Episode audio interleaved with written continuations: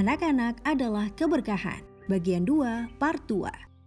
Oleh Ustadz Numan Alihan, ditulis oleh Rizka Nurbaiti, dibacakan oleh Azel.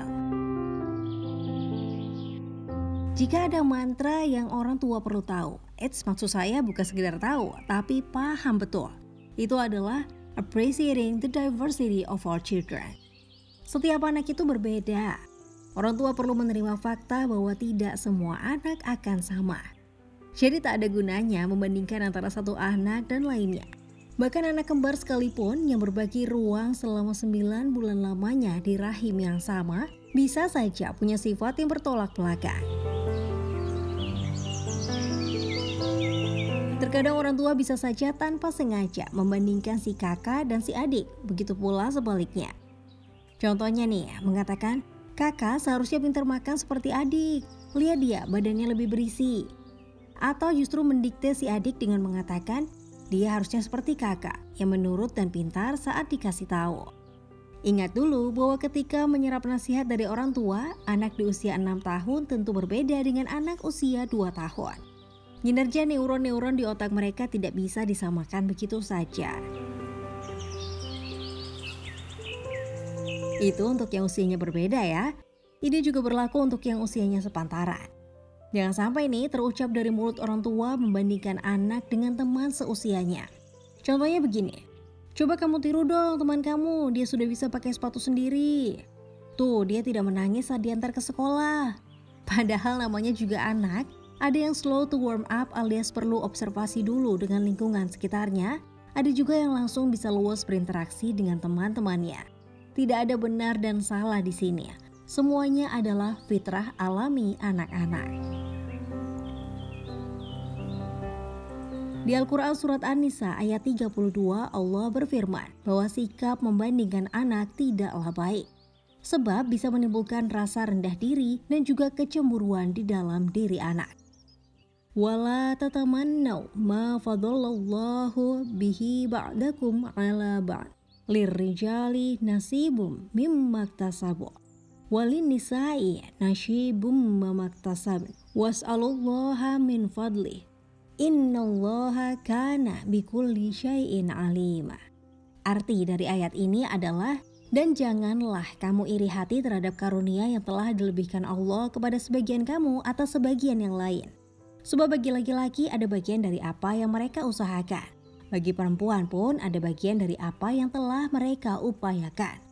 Mohonlah kepada Allah sebagian dari karunia-Nya. Sungguh Allah Maha mengetahui segala sesuatu. Menurut Ustadz Numan Ali, ayat ini dapat menjadi bahan pengajaran dalam parenting.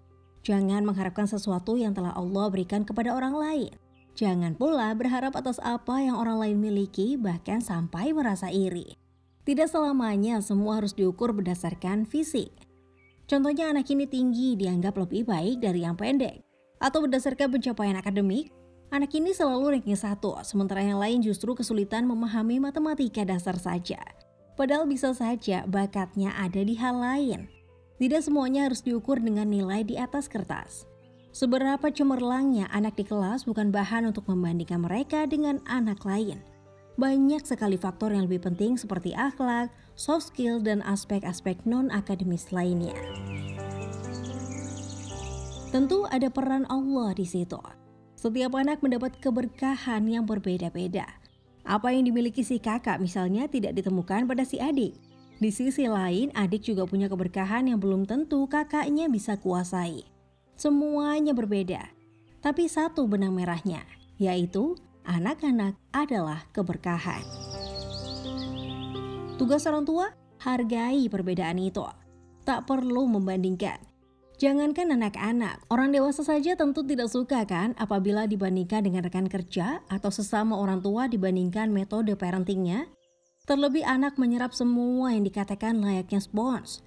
Jangan sampai apa yang dituturkan oleh kita sebagai orang tua yang mereka anggap sebagai role model akan terpatri dalam benak mereka. Konsekuensinya, bisa saja mereka merasa rendah hati dan hilang percaya diri. Ini jelas akan berpengaruh pada tumbuh kembangnya bahkan saat kelak mereka tumbuh dewasa. Mungkin ada anak yang mengekspresikannya dengan jelas, seperti adik berkata ke kakaknya, Coba aku sepintar kakak, pasti ayah atau ibu tidak sering memarahi aku. Atau anak berkata ke temannya, Ayah dan ibuku lebih suka anak yang pintar dan ranking satu seperti kamu, bukan seperti aku yang lebih suka olahraga. Itu jika diucapkan dengan jelas. Lebih bahaya lagi jika anak memendam semuanya dalam hati, hingga bertahun-tahun itu tertanam. Parahnya, orang tua bisa saja tidak sadar tentang apa dampak dari ucapan membanding-bandingkan yang mungkin mereka anggap sepele atau terucap tanpa sadar.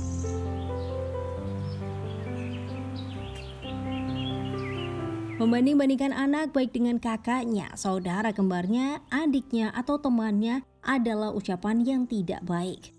Orang tua harus sekuat tenaga menahannya. Memang proses ini tidak instan dan cenderung sulit. Kadang ucapan semacam ini dikemas dalam senda gurau atau sekedar bercanda. Namun tetap saja ini bisa diingat oleh anak hingga kapan pun. Ketika sedang santai mungkin menahan untuk tidak membandingkan anak terasa lebih mudah. Tapi kadang ketika situasi sedang tidak kondusif, saat sedang chaos bisa saja kalimat banding membandingkan ini meluncur begitu saja dari mulut ayah atau ibu.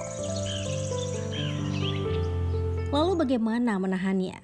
Kembali lagi kepada ayat tadi bahwa iri hati terhadap apa yang dianggap kelebihan anak lain tidaklah perlu. Satu lagi yang tak kalah krusial, mengingat bahwa setiap anak adalah keberkahan. Every child is a blessing.